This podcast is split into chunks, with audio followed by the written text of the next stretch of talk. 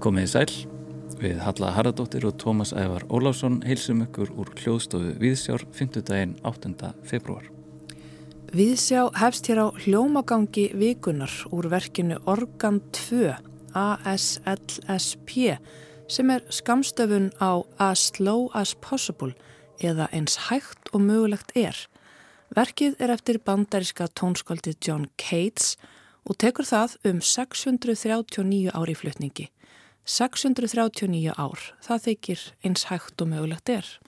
Um þessar myndir, eða alveg frá árinu 2001 og til ársins 2640, stendur yfir flutningur á þessu verki í kirkju Heilasbúr Kardi í Halberstad í Þískalandi og vakti það aðtekli ádögunum að skipt var um hljóm á sérsmíðaða orgelinu sem flytur verkið.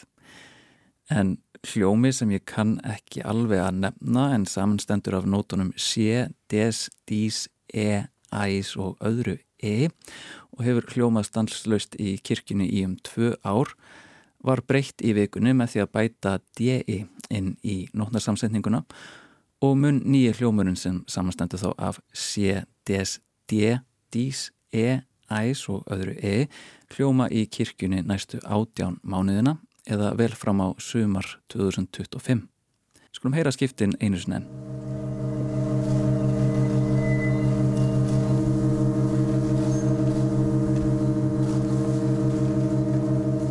Organ 2, As Low As Possible eftir John Cates og þá höldum við áfram með þátt dagsins. Við ætlum að líta í heimsókn í vinnustofu út á Granda þar sem tónlistamennir og bræðurnir Haldur og Úlfur Eldjárn taka mót okkur.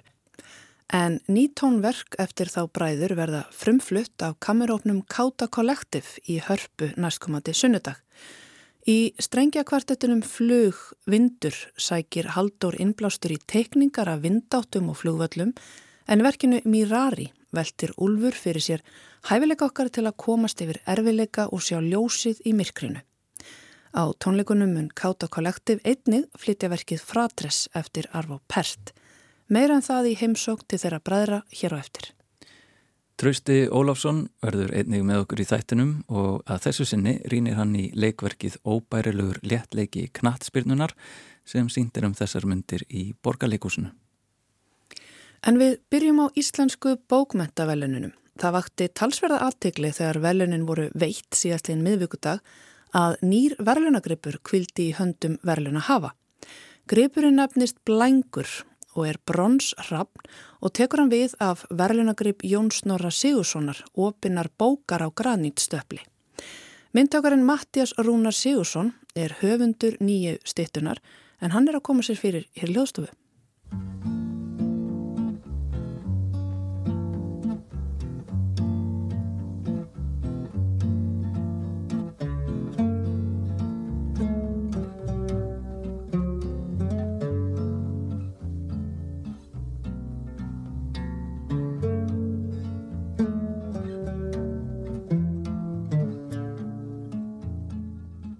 Mattias Rúnar Sigursson, velkomin í Viðsjá. Takk. Og má ég byrja á stóru spurningunni, um, hver er Blængur? Blængur er uh, hrappn og úr bronsi og hann er líka nýr verðlunagripur bókmyndaverðlunana, íslensku bókmyndaverðlunana. Og hann er svona, já, kannski svona ein af furðu verunum sem að hafa verið að koma úr þinni smiði svona síðustu ár finnst þér hann hafa eitthvað ákveðin personleika svona inn í, inn í því safni?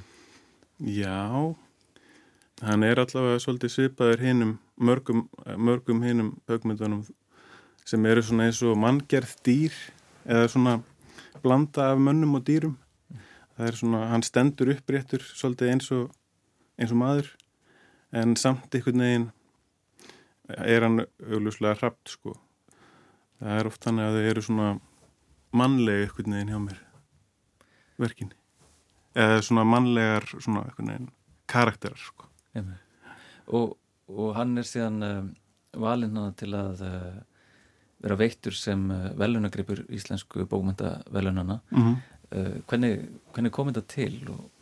Það var nú bara þannig að Bryndís Loftstóttir sendi mér sem er sem sagt framkvæmdastjóri Fíbút hún sendi mér tölvupost spurði hvort ég hefði áhuga á þessu. Bara þannig að nafnum mitt hefði komið upp og spurði hvort ég geti kannski séð um hennan verðlunagripp eða minnst okkarsti komið með eitthvað hugmyndir. Og uh, ég gerði það. Og þetta var svona í raun og veru allt þetta ferli sko var, fóru allt sem hann fram í gegnum tölvupost við hittumst heila aldrei um, þangað til bara rétt áður en að ég fór sagt, til Pólans til að láta taka afstipunar sko. Þegar ég fór þangað með, með stittuna Já. en þetta var alltaf bara í gegnum tölvupost sko. En já, það er líka svolítið kannski skemmtilegt að segja frá því að, að nafnið blængur, um, þetta er gamalt hrapsheiti og kemur fram meðal annars í, eða kemur allavega fram í snorraetti, en þá er það blæingur og það eru sem sagt svona, þetta er hérna í nafna, nafnaþulum eða ykkur í nafnaskráð þarna aftast í bókinni það sem að eru tekinn fram svona einmis nöfn á hröfnum sko og öðrum, alls konar öðrum hlutum en þarna það, þaðan kemur þetta nafn sko blængur Og, og einmitt afsteipa um, flestar þær svona fyrðuveru sem við séum að koma úr þinni smiðu eru hognar í stein. En, uh, en nú erum við að sjá allt í hennu bronsstittu mm af hennum blæng. Þetta er, þetta er í fyrsta skipti sem þú vinnur? Já, þetta er í fyrsta skipti sem ég vinn eitthvað í brons. Og þetta var svona svolítið skemmtilegt vegna þess að ég fekk svona svolítið að fylgjast með ferlinu og læra svolítið hvernig það er allt saman, hvernig maður svona ber sig að ef maður vill gera bronsverk uh, og ég svona ég fann hérna þessa bronsmiðju út í Pólandi og fór þangað og já, fekk svona að kynast þessu þessu ferli öllu saman sko Mm -hmm. og, en þú uh, heggur blæng mm -hmm. út í stein fyrst og, -hmm. og svo er tekinn afstep á honum Já, þá.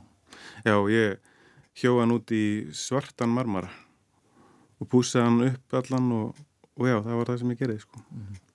Ég tók eftir í að um, í, í frett MBL mhm. um málið að þá er talað um að það hafi verið mjótt á mununum millir sko rapsins og síðan uh, spendirs Já, einmitt. Mætti ég spyrja hvaða spendir? Það voru tvö spendir. Það var sem sagt, það var refur sem heldur á fjöður og er svona, hann stendur svona uppréttur og heldur á fjöður svona, bara til að skrifa með til dæmis, eða úr, getur verið fjöður úr rjúbu eða eitthvað. Og hann átti að vera svona, svolítið eins og, svona eins og rítöfundurinn, sko. Þetta var svona eins og mynda af rítöfundunum sem ref, sko, sem er svona ennfari eða þannig mm. eða svona bara þarf að sitja svolítið ein, eina að skrifa sko og þátt að vera svona eins og mynd af rítuhundinum sko en svo var hitt spendirið að það var höfuð skuggabaldurs sem, á, sem er sem sagt, svona ófriska og er held ég blanda af ref og ketti held ég.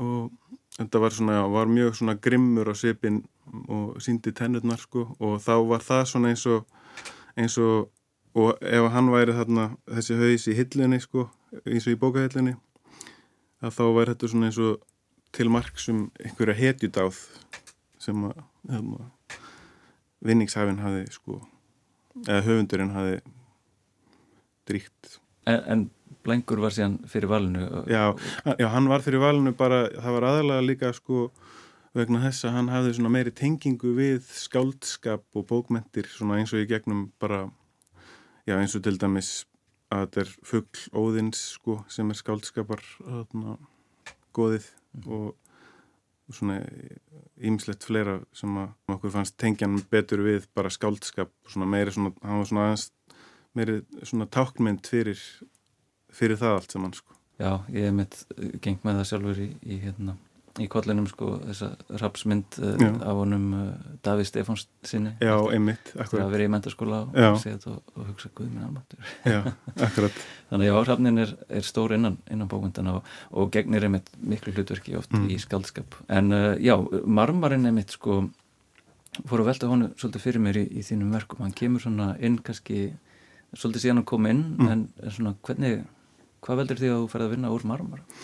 Já Það, ég byrjaði sem sagt á því fyrir nokkrum árum en þá fekk ég gefins leggstinn, gamlan leggstinn sem hafi sem einhver hafi skipt út eða fengið sér nýjan leggstinn og þátti bara að henda þessum að nota í eitthvað annað og ég fekk hann gefins og byrjaði að prófa að högva í þennan leggstinn sko.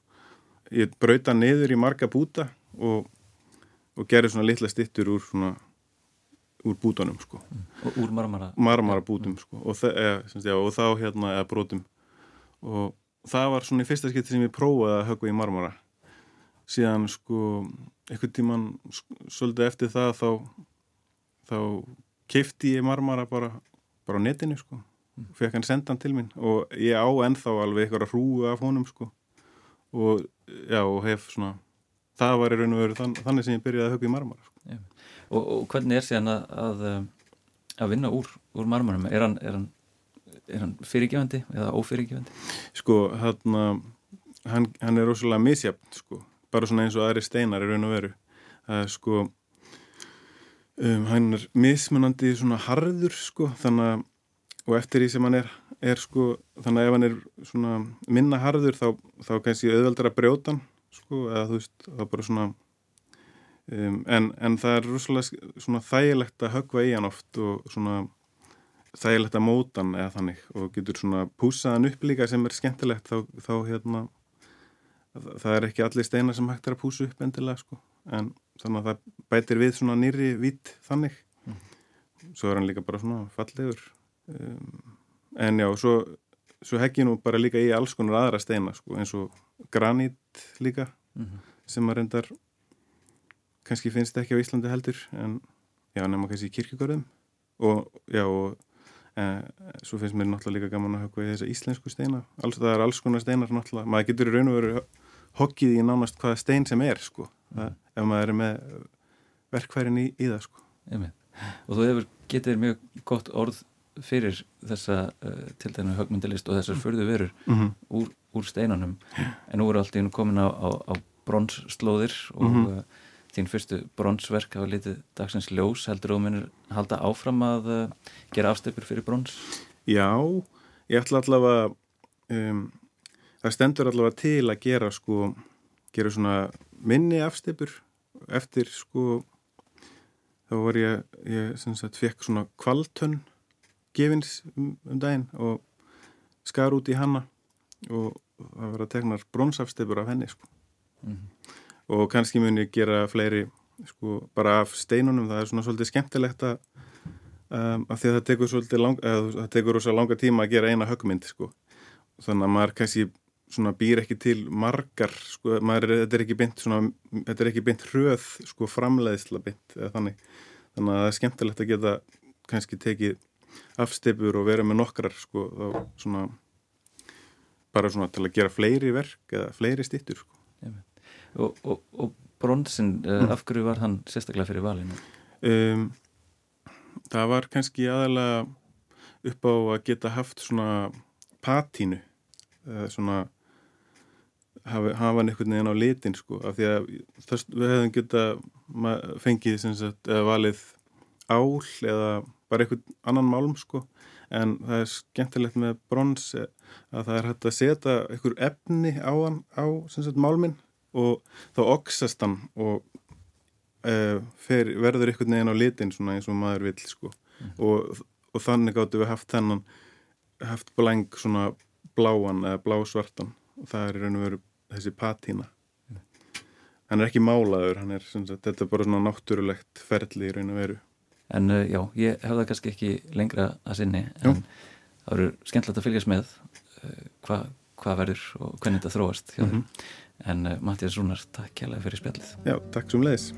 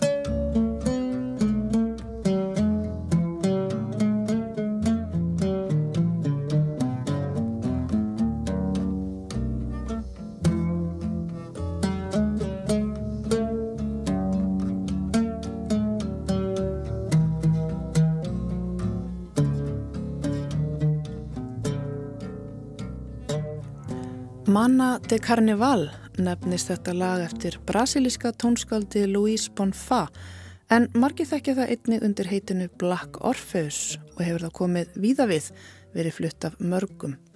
Hér er það í flutningi bandaríska tónlistamannsinn Sandy Bull. Þar á undan rætti Tómas við myndtökvaran Mattias Rúnar um nýja verðlunagripp íslensku bókmentaverlunana, Blank. En af velununum höldum við í leikúsið. Trausti Ólafsson tekur nú við. Fótbolta íþróttin sem einni á sér hefði virðulega heiti knatsbyrna er svo ábyrrandi í samtímanum að hvort sem okkur líkar að betra það verð leikur hún bísnastórt hlutverk í lífi okkar flestra.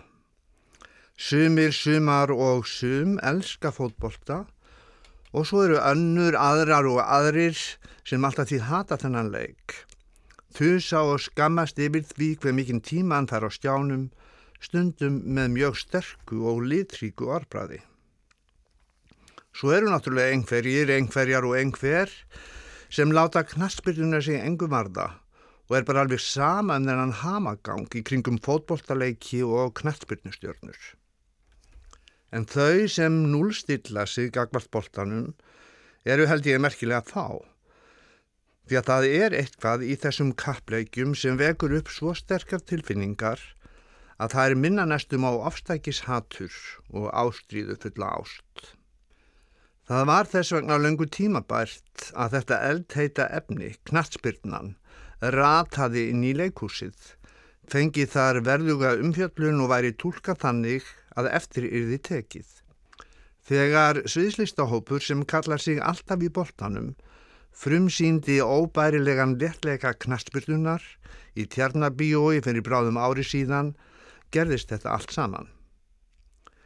Sýningunni var vel tekið að jæmt af gagnrinendum og áhörvendum og var tilnæmt til ekki færri en fjögur að grímuverluna. Vel gert, já svo vel gert að nú eru hafnar síningar á óbærilegum léttleika á litlasviði borgarleikursins og var svo fyrsta þeirra núna á förstudagskvöldið þann annan februar.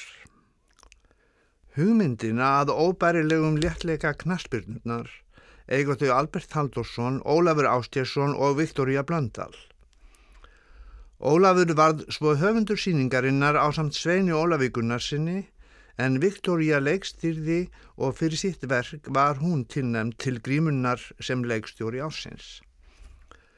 Albert Ólafur og Sveitn Ólafur leika allir í verkinu og auk þeirra stýgur starkaður Pétursson þar á svið að óglemdum söngvaranum Valdimar Gumunsinni sem samti líka tónlistina í þessu óbærilega letta og ljómandi alvarlega sviðsverki um það sem raunverulega stiftir máli í lífinu, nefnilega fótbolta og bjór.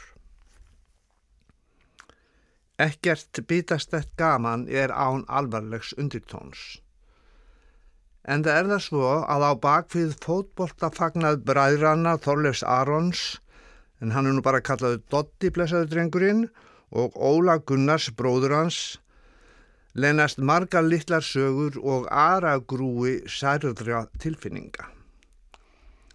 Dotti og Óli Gunnar eru tröstir bræður sem rækta samband sitt með því að horfa saman á leiki Manchester United og kíkja aðeins í bjórum leið. Allt þeirra líf er einhvern megin utan við á sjálfa og ímist á knaspirnuvellinum eða ástjánum. Þeir öskra og æpa sig hása til þess að fá útrás fyrir ást sína á fótbolltanum og losaðum leið aðeins um það sem í brjóstinu er falið, grafið og bælt. Svo mikil er ástýðað þeirra að þótt eitthvað annað sem gæti stift máli í lífinu, eins og til dæmis ástur og sambúðarslit séu nefnd, heyra þeir tæpast hvað sagt er. Það er gamalt bragð í dramatúrkíu að láta óvæntan gest stjóta upp kollinum á leiksviðinu og auðvitað kemur boðplana í fótbolltapartíið hjá þeim Dotta og Ólagunnari. Gesturinn sá er ekki að verja endanum því að það er engin annar en Benedikt Hafberg, nýji kærastinn hennar Silju, barlsmóður Dotta sem byrtist á vellinum. Það kemur sér vel að Valdimar Guðmundsson söngbar er þarna á þærn með Benedikt Vegna þess að ef Valdimar snýti ekki við er ómögulegt að segja hvernig leikurinn gæti þróast og hversu steinuhætt mörkin gætu orðið. Og fyrir söngsín í verkinu var Valdimar tilnemdur til grímuverluna á næstliðnu ári sem söngveri ársins.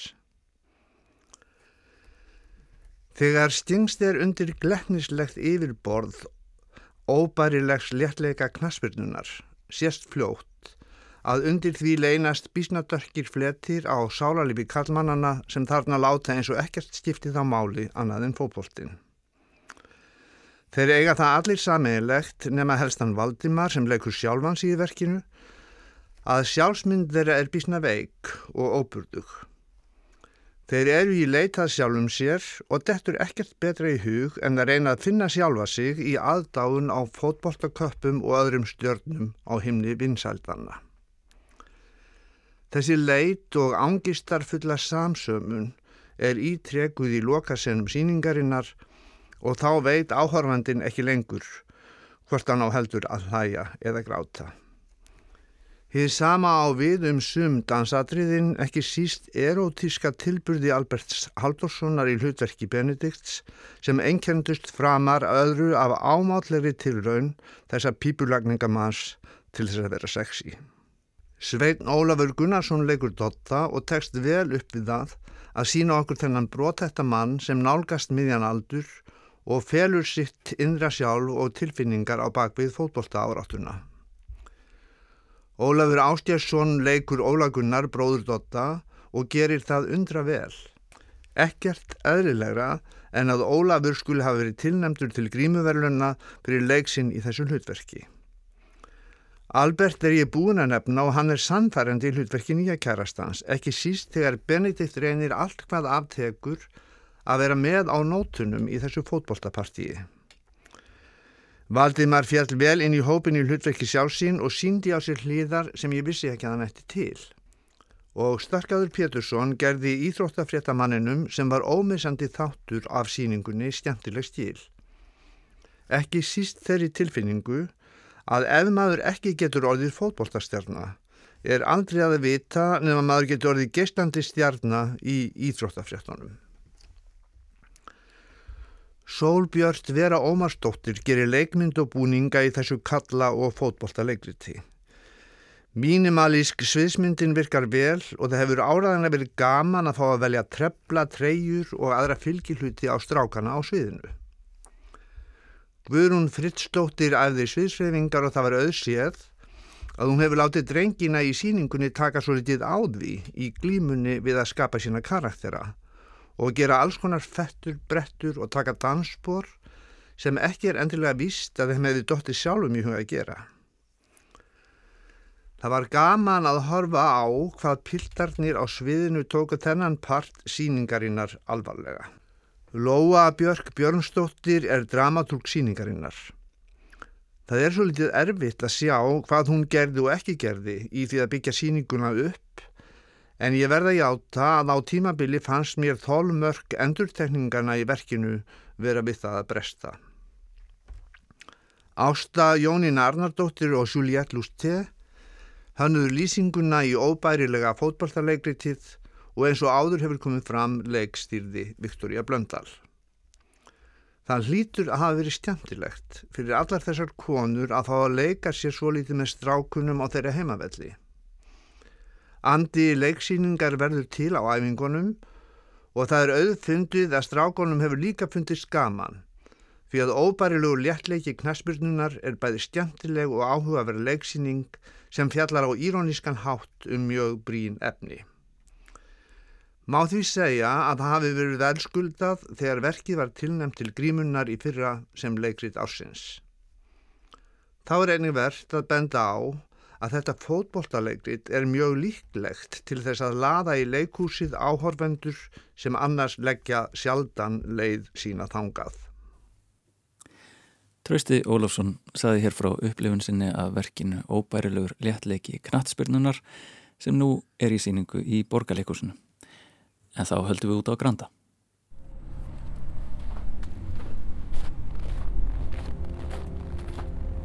Ég er stött út á Granda á eigaslóð, það er ennþá dimt úti En himinin er alveg að verða apisnugulur. Já, stefnumót við þá bræður Haldur og Úlf Eldjátt en kammerhópurinn Káta Kollektiv mun flytja nýverk eftir þá bræður næstkomandi sunnudag í Hörpu. Verkið Flug, Vindur eftir Haldur og verkið Mirari eftir Úlf. Þar að ekki verður verkið Fradress eða Bræður eftir Arvo Pert flutt á tónleikonum. En næsta dagskrá er að finna þá Bræður.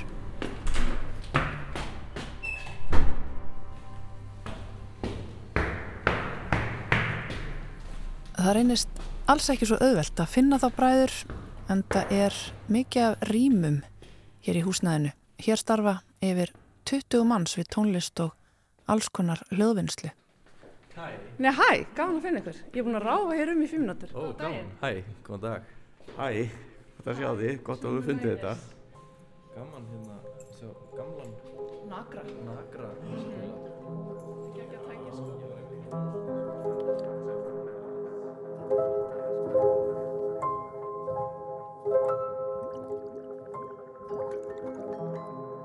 Góðan daginn og takk fyrir að taka mótið mér hérna bræður, Haldur og Úlfur. Takk. Ég var nefnilega að ráfa einu gangana og það var svolítið svona glamur, ég var eini í heiminum, það er notalegt að koma einn inn.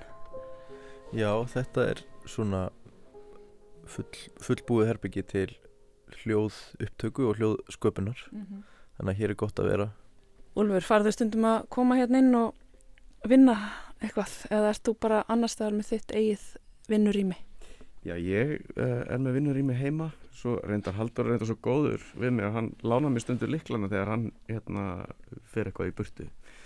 En já, ég er sjálfur bara með svona neðanjarðarbyrgi uh, heima á mér, gluggalöst. Þannig að það er doblar líka sem svona, sem svona panikherbergi og, og ef að kemur uh, kjarnorku styrjöld þá er ég sem sagt bara flyttið í stúdíóið. En Þú ert ekki með þetta fallega útsýna sem að bróðin hefur hérna. Við erum hérna að horfa yfir, já, daginn vakna. Það er ótrúlega fallegt útsýni hérna. En við vitum að því hérna í hina áttina, þá er auðvitað rauði bjarmi. Það var að hefjast eldgós. Það er aldrei merkilegt að sita hérna inn í þessu stúdiói, eldgós á Reykjaneska að hefjast aftur. Úlfur, þú ert með grímu af því að það vil svo til að þú fjagst COVID og ert að stíga upp úr veikindum. Þetta er, þetta er skrýnar aðstæður. Já, þetta er bara eitthvað rosalega mikið 2021. Mér líður alveg fáránlega að vera bæðið með COVID og það er eldgós. Þannig að ég bara, já, hvað næst, segi ég bara. Haldur, talandum eldgós, uh, verkið sem að við ætlum að ræða, það er svona að ykkur leiti fjallar um náttúruöflin og uh, kannski að reyna að koma böndum á þau, ekki satt. Jú, um, verkið mitt heitir Flug, skástrygg vindur og byggir á átta flugöllum sem að eru á Íslandi bæði í nótkun og ekki, ekki í nótkun sem sagt, aflagðir flugöllir uh, það er sem sagt afi minn uh, Ólafur Pálsson hann var verkfræðingur og tók að sér að teikna þessa flugölli og, og marga aðra á landinu og ég fann nýlega að það fundust svona uppdrættir af þessum flugöllum og flugöllarstæðum sem hann hefði gert bara náttúrulega í höndunum. Og mér fannst þetta eitthvað svo mér fannst þetta eitthvað svo heillandi að bara að, að þetta hefði bara verið gert svona á þessum tíma að ég, mér fannst ég verði eitthvað neginn að, reyna að dokumentera eða, eða gera eitthvað í kringum þetta þannig að úr varð að ég samti þennan strengja kvartett og þetta byggir sér þetta á þessum flugvallarstæðum og vindáttunum sem eru ríkjandi á hverjum stað. Þannig að það er svona uppleggið. Uh, áttinnar er náttúrulega fjórar eins og hljóðfærarleikar er í kvartett þannig að ég svona nýti þá tengingu líka aðeins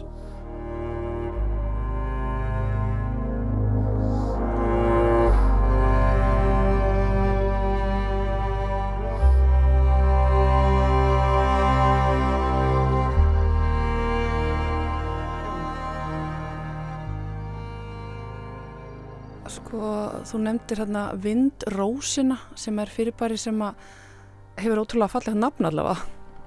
Já, Windrose er í raun bara, þetta er svona ringlaga línuritt um, og með Windrose er hægt að skrá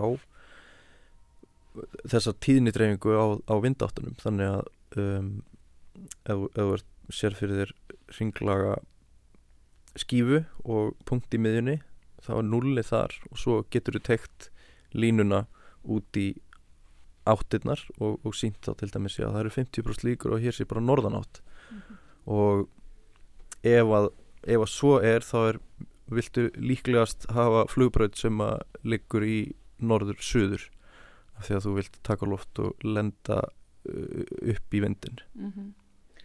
Einmitt, þetta er auðvitað hluti sem við kannski hugsaum ekki alveg hverstagslega um en, uh, en var það sem sagt þetta er rauninni myndræna myndræna form sem að dróði að þessu fyrst eða hvað?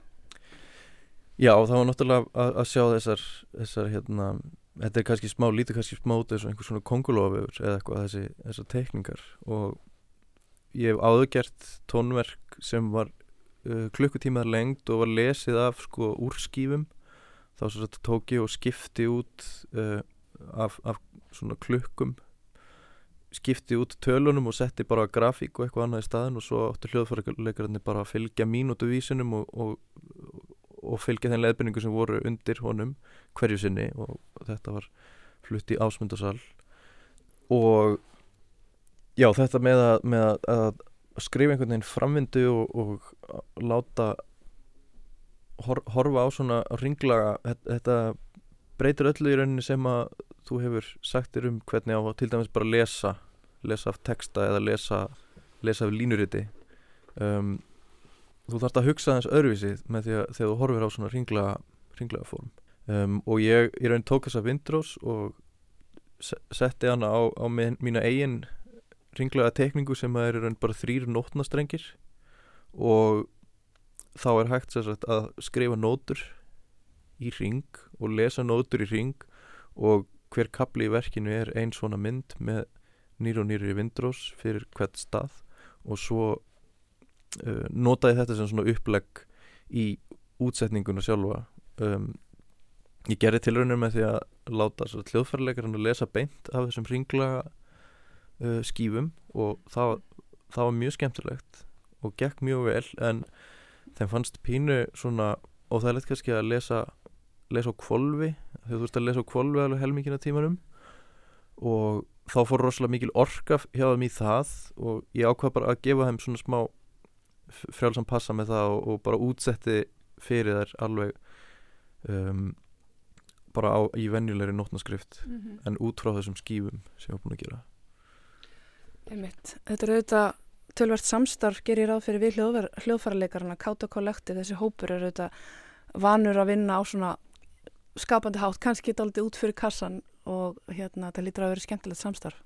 Já, þetta er búið að vera mjög skemmtilegt. Uh, við erum búin að hitta hópin nokkur sinnum og uh, við höfum náðu að gefa okkur líka aldrei góðan tíma í að uh, svona fínpúsa það er alltaf gott þegar maður getur svona tekið nótur og hugmyndir og, og mætt með það til hljóðfærarleikarinn og fengið svona smá smá endugjöf og oftar en ekki koma líka hugmyndir fram í þannig mm -hmm. sessjónum -hmm. um, Káta Kollektiv er líka alveg rosalega opinn hópur svona, það er, það er eiginlega bara aldrei tekið illa í neina hugmynd sama hversu flókin hún er eða svona já, þetta er bara svona rosalega grösugur um, grösugur hópur með gott ímyndunarafl og það séast líka bara á þeim verkefnum sem þau hafa tekið sér fyrir hendur mm -hmm. Að það er svona verið að hugsa þetta aldrei vel út fyrir kassan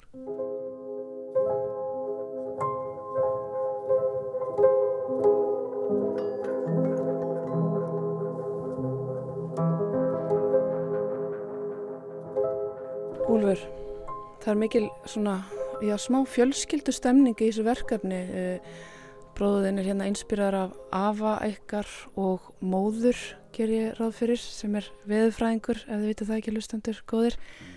Úlfur, um, úr hvað átt er þú að koma í þínu verki? Sko, ætli ég sé ekki bara óbeint hérna, um, að verða fyrir áhrifum frá ömmu okkar, önnur Sýri Björnsdóttir sem að hérna var eiginkona Ólafs en hún var mjög merkileg kona hún var bæði hérna tónlistamæður og myndlistarmaður í setni tíð hún tók upp á því sko þegar börnin hennar voru orðin stalpuða þá hérna hætti hann annað hugsa um heimilið og fór bara að mála og svo var hann náttúrulega e, hérna starfandi pianokennari alla æfi og þau áttu mjög gott hjónaband af okkur amma þau voru svo skemmtilega ólík að hérna, hann kom einhvern veginn úr verkfræðinni og hérna maður kuksunar og, og, og sagði aldrei neitt nema að vera búin að hugsa það vel og vandlega fyrst en, en amma mínar ákala skapandi og, og svona og miklu meira svona spontant manneskja. Og þau bæði hafðu bara mikil áhrif á okkur og, og allt okkar svona uh, tónlistarstús sérstaklega. En verkið mitt það var svona upplegið í því var meira að vinna með tilfinningar og hvernig við nótum tónlist til þess að, að hérna uh, hvernig við bara gaggjert nótum tónlist til þess að láta okkur líða betur eða framkalla einhverja jákvæða tilfinningar eða fá svona losun fyrir neikvæða tilfinningar.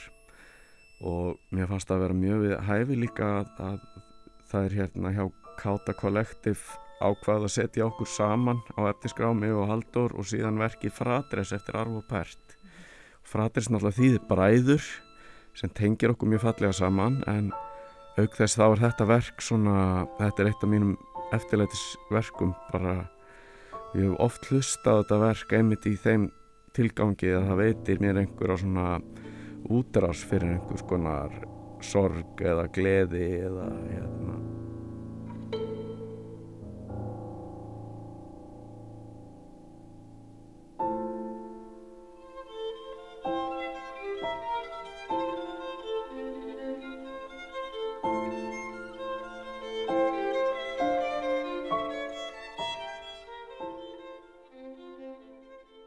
verkið mitt sem heitir Mirari og er fyrir Káta Kollektiv uh, ásamt tveimur blásurum. Strengja kvartett og uh, flauta og klarinett. Það var svona pælingin á bakvið það var það að, að semja eitthvað út frá svona öllum litlu jákvæðu hlutunum sem við notum til þess að hress okkur við. Þegar eitthvað bjátar á í dagsins önn þá getur maður alltaf farið að ganga og, og hort upp til himnana eða hort á stjórnubjartanótt eða hort í augun á, á batninu sínu og, og svona hugga sig við það. Og þegar ég byrja að semja þetta þá hérna hins var kom einhver svona aðeins sorglegri tótni í þetta því að það var bara svo margt í gangi í heiminum og frettatíminu var einhvern veginn undirlaður af uh, hryllingi, streiðsfrettum og, og hryllingi og mér fannst einhvern veginn svona bæði fann ég að, að þörfin fyrir tónlist sem svona huggandi afl væri, væri ekki minni í dag heldur en ofta áður. Og samanskapið þá kannski var þetta svona að, að ennþá meiri svona hugleðingu bara um allt svona litróð mannlegra tilfinninga og, og, og hvernig við tökust á við eh, alls konar vandræði bara dagstælega með tónlist.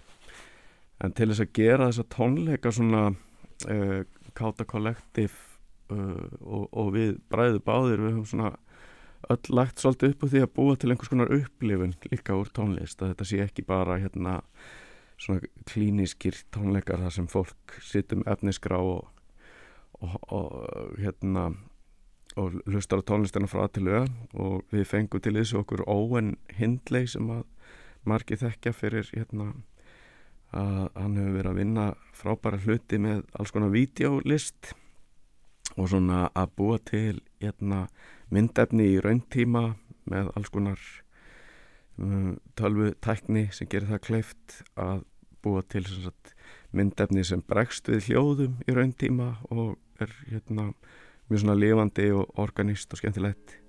Hann verður sérstaklega með svona vísjóla á tónleikunum og við erum alltaf að reyna að búa til svona heldapakka einhvers konar svona að það verði alltaf svona ferðalag sem áhórandin eða hlustandinn fer inn í þarna á sunnudaginn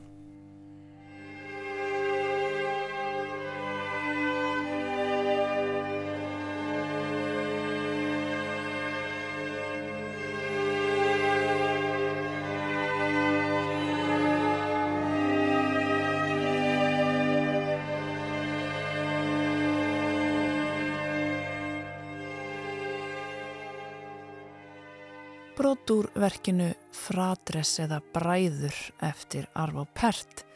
Verk sem verður flutt á samt verkum bræðrana á sunnudag í hörpu. Verk sem að Úlfur segist lengi hafa haldið upp á og alla tíð geta sót í, bæði í gleði og sorg.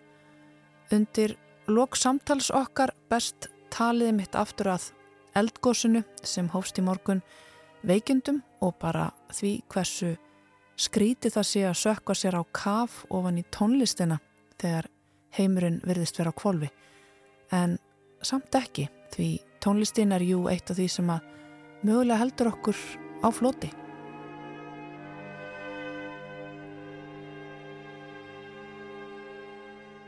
Hún heldur utan um allt og hún, hún hugga mann og hún hjálpa manni að, að gleðjast og, og hérna ég meina, ég, ég held að við getum ekki komist í gegnum neitt sko án tónlistar.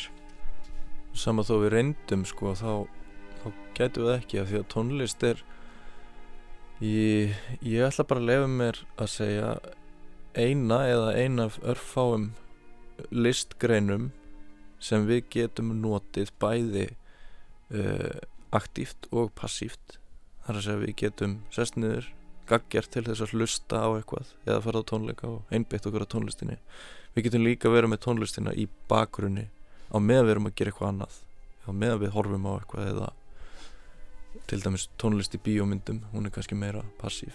En Já. þarna er þetta eru tvens, tvær ólíkar leið til þess að njóta tónlistar og báðar hafa þær samt sín áhrif á okkur. Þannig að við erum kannski oft líka að hlusta tónlist að átt okkur á því Svo er tónlist náttúrulega líka svona tímastimpill að uh, allavega fyrir mittleiti að þá bara það er alltaf einhver tónlist sem ég get tengt úr ákveðin tímabill í, í lífi mínu. Og ef mér langar til þess að fara þángað aftur þá er bara að reyna að munna hvað ég var að hlusta og, og fyrst að ég er komin í þetta asnarlega COVID flashback hérna þá er svo, er svo skýr minning sko, veist, sérstaklega eins og bara síðustu tónleikarnir sem ég fór á fyrir COVID-lokanirnar það er, á, það er rosalega skýrt í mínu minni núna en ég er alveg búin að gleyma sko smáættriðanum í kringum hérna hvað var að gerast í COVID skilur brot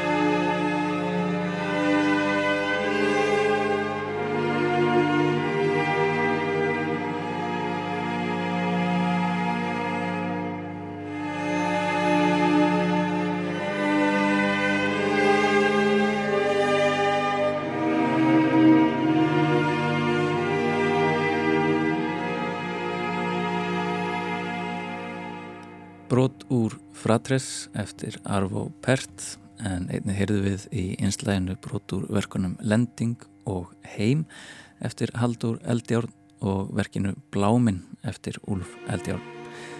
Tónleikar Gáta Kollektiv á verkum þeirra fara fram í hörpu á sunnudaginn kemur. Og hér ljúku við þætti dagsins. Takk fyrir að hlusta og verið sæl.